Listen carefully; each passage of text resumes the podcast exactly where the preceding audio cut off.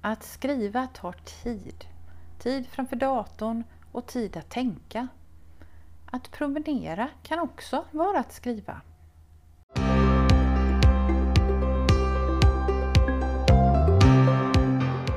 Hej och välkomna till Konsten att sabba en story. En podd om skrivandets vånda och glädje. Det här är podden för dig som vill skriva mer, bli bättre och lära dig av misstagen så att du inte sabbar storyn.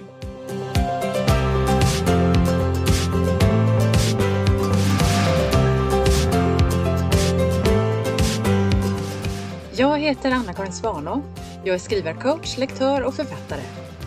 Men nu sätter vi igång!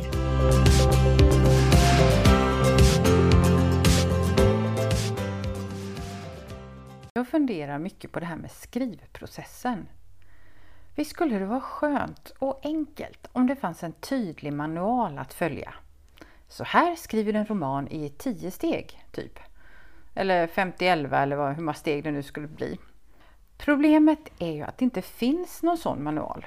Och det finns lika många olika sorters skrivprocesser som det finns författare, eller kanske böcker för den delen. Men, säger du kanske som har lyssnat på tidigare avsnitt av den här podden, motsäger du inte dig själv nu? Du har ju pratat om den här strukturmodeller och checklistor som ska vara så bra. Ja, precis. Det finns modeller för hur en berättelse vanligtvis är uppbyggd. Den som jag kallar för treaktsmodellen eller Hollywoodmodellen till exempel, den är ju riktigt bra och praktisk tycker jag. Den har hjälpt mig mycket. Det man får komma ihåg är att en strukturmodell är ett verktyg, inte en magisk formel.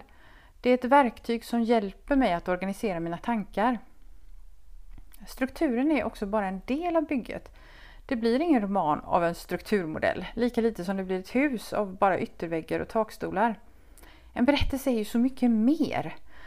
Och det tar så lång tid att få ihop hela bygget till en läsvärd historia.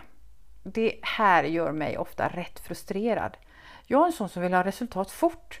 Och att inte ens känna slut, att slutet är i sikte, det gör mig lite rastlös. Ja, jag har ju klagat på min långsamma redigering sedan i somras. Och det är inte för att det är tråkigt på något sätt eller för att jag vill upp eh, skrivandet eller historien. Men det är så svårt och det går så långsamt.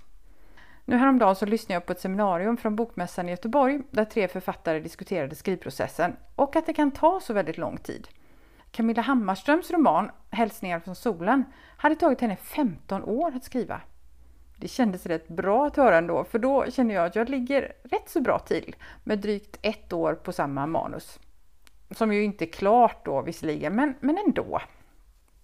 När jag pratar med andra författare, eller som vid det här seminariet lyssnar på författare som berättar om sin skrivprocess, så tänker jag ofta på just tiden. Tanketiden. Det är en central, helt osynlig men väldigt tidskrävande del i skrivprocessen. Att tänka. Böcker skrivs ju inte bara av fingrar mot tangenter som bildar ord i ett dokument. Det finns alltid en tankeprocess också. Och för en del kommer det här tänkandet först innan man börjar skriva och för en del sker tänkandet samtidigt som skrivandet. Och det kan kännas som orden kommer spontant, som om det är berättelsen och karaktärerna själva som hittar på. Så författarens tankeprocess kan vara så intuitivt att man inte ens lägger märke till den. För vissa berättelser behövs det väldigt mycket tänkande. Ibland behöver vi stanna upp mitt i berättelsen och fundera, grunna och grubbla och låta tankarna fladdra lite hur som helst innan de landar som ord på rätt plats. Ofta behöver vi tänka efteråt också, när romanuset är klart.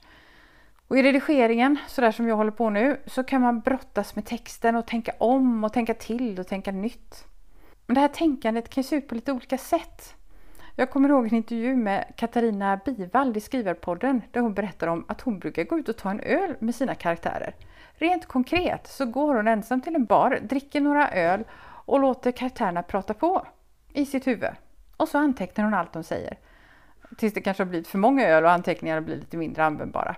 En annan detalj från en annan intervju i Skrivarpodden som jag inte har lyckats hitta igen just i avsnittet, så jag kommer tyvärr inte ihåg vem det var som sa detta. Så kanske någon av er som lyssnar vet och kan upplysa mig.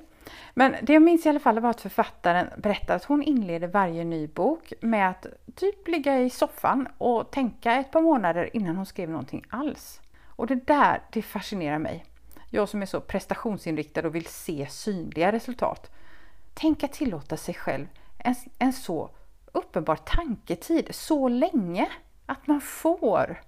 Nu skulle väl det där aldrig funka på mig för jag, jag behöver liksom tänka och skriva samtidigt eller i alla fall tänka och sen skriva rätt snart i anslutning till tänkandet. Annars så försvinner idéerna. Jag kommer liksom inte ihåg.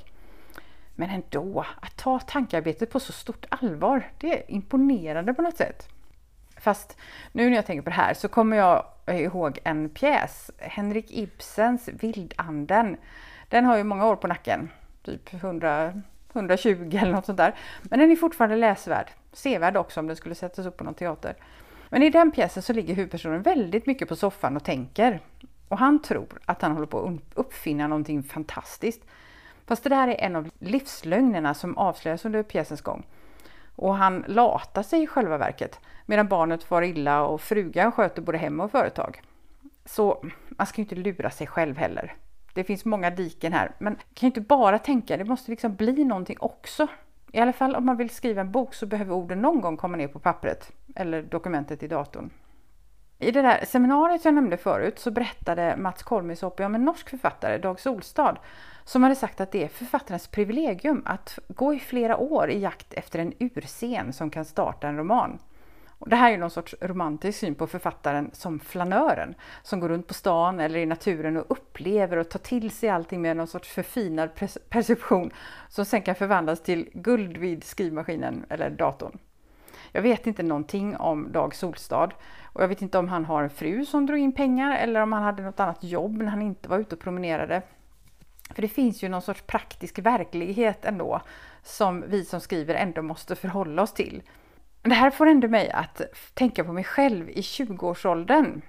Eh, då gick jag runt på Göteborgs gator i en lång fladdrande svart rock som jag hade köpt på second hand för mina sista matpengar. Jag var arbetslös och jag gick på skulpturkurs på kvällarna och på dagarna skrev jag en roman. Jag var väldigt cool om jag får säga det själv. Och I fickan hade jag en liten skrivbok och där antecknade jag allt som verkade intressant som jag stötte på. Till exempel hur småfåglarna lät i trädet utanför stationen eller vad den där snurriga tanten på spårvagnsplatsen sa om livet och björnbären hon höll i koppen framför sig. Alltså alla de här intrycken fick sedan bli delar i min roman som jag höll på att skriva. Och jag kände mig verkligen som en författare. Hungrig var jag också. Men det passade också in i den romantiska bilden av författaren. Sen fick jag ett jobb förresten och boken blev aldrig klar. Kanske var tur. Numera är kanske inte författaridealet romantiskt på just det där sättet. För sedan romantikens dagar i förrförra seklet har Camilla Läckberg kommit och att vara författare har blivit mer en fråga om marknadsföring och försäljningssiffror. Ja, äsch, det där lät väl lite hårdraget. Ja, ja, vi lämnar det där så länge. Men jag kan inte låta bli att fundera på hur tanketid går ihop med prestationskrav och förväntningar om resultat och säljframgångar. Har författarflanören en plats i vår tidseffektiva tillvaro? För min del, i min redan fullknökade tillvaro, långt ifrån den fria vardag som jag hade som 20-åring, så har jag svårt att låta mig själv vara sådär improduktiv, i alla fall som det ser ut. För att jag ska tillåta mig själv att hålla på med skrivandet eh, istället för någonting annat som är mer praktiskt eller nyttigt eller inkomstbringande eller så, så behöver jag se att det blir någonting. Jag vill kunna räkna ord till exempel. Det är så konkret och bra. Så när jag inte får sådana här tydligt resultat så blir jag så frustrerad över att skrivandet tar så mycket tid. Och då räknar jag inte ens in tanketiden. Och det här det är en anledning till att jag hade önskat att jag var mer av en planerare. Ni vet, det finns ju författare som pratar om hur viktigt det är att skriva synopsis i förväg. Ha alla scener planerade och karaktärerna helt kartlagda redan från början innan man ens börjar skriva det första ordet. Och de brukar ju säga att den stora fördelen är att man sparar tid. Man fastnar inte, man kör inte vilse i sidospår, man blir helt enkelt mer effektiv. Jag vill ju gärna vara effektiv. Det låter så kompetent. Och jag älskar verkligen planering och struktur. Samtidigt verkar inte min hjärna funka på det sättet just när jag ska skriva någonting kreativt. Det här strukturschemat som jag nämnt tidigare, det använder jag mest i redigeringen som ett analysverktyg. Jag tror att jag helt enkelt måste acceptera att jag behöver utforska. Jag behöver tänka och skriva samtidigt. Och jag får låta mig själv komma in på sidospår som jag sen raderar. Det tar ju tid såklart. Men det är också så jag lär känna karaktärerna och kommer underfund med historien. Och sen när jag fastnar i skrivandet så behöver jag gå ut och gå. Alldeles nyss så började jag läsa en ny bok, Vännen av Sigrid Nunes. Eller Nunjes, jag vet inte hur man uttalar hennes namn. Eh, jag har bara kommit några sidor in i boken än så länge, men det är redan tydligt att huvudpersonerna är författare. Och jag-berättaren säger om den andra författaren som nyss har dött så här, och nu citerar jag. Du bara strosade runt med händerna i fickorna och njöt av gatan. Det var din grej. Jag kan inte skriva om jag inte får vara ute och gå. Du brukade arbeta på förmiddagen och vid en viss tidpunkt, som alltid infann sig, då du tycktes som att du inte kunde skriva en enda mening till, gav du dig ut och gick, kilometervis. När du kom hem igen brukade du slå dig ner och återgå till arbetet och försöka bibehålla den rytm som du hade kommit in i när du gick. Och ju bättre du lyckades med det, desto bättre gick skrivandet. För allt handlar om, handlar om rytm, sa du. Goda meningar börjar med ett taktslag. Där är slutcitat. Jag känner igen mig i att promenerande är bra för skrivandet. Det är det där flanerandet. Det händer någonting med tankarna när man går. Det som har kört ihop sig i datorn kan lösas genom att promenera. Eh, en annan författare, PK Englund, har berättat om hur han först skrev sin bok Född på en söndag i huvudet medan han körde bil långa sträckor. Och han menar att det är monotonin som sätter fart på kreativiteten. Och jag tror att det ligger någonting i det. När man äntligen inte håller på med så mycket annat kan fantasin och kreativiteten komma fram ostört. Fast personligen så gillar jag ändå promenerandet mer än bilkörandet. Inte minst för att jag kan stanna och göra röstanteckningar enklare på mobilen.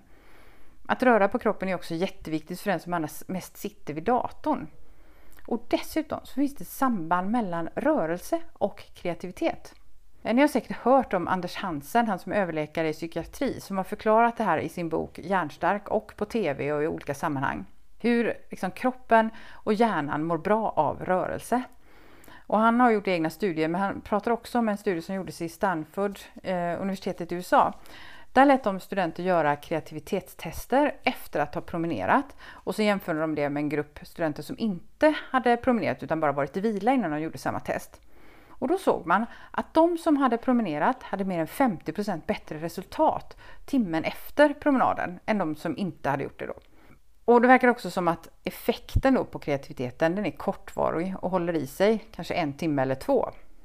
Så om du är ute och går nu när du lyssnar på den här podden så är det toppen för din hjärna.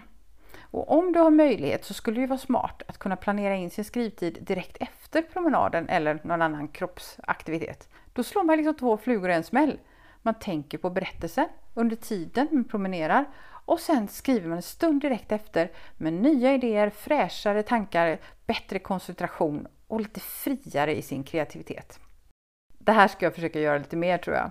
Jag ska sluta fokusera så mycket på att producera ord i ett dokument. Det är ju inte bara tangentsmattret som gör mig till en skrivande person, eller hur? Skrivandet får ta tid. Tanketiden är också viktig. Och att promenera är också att skriva.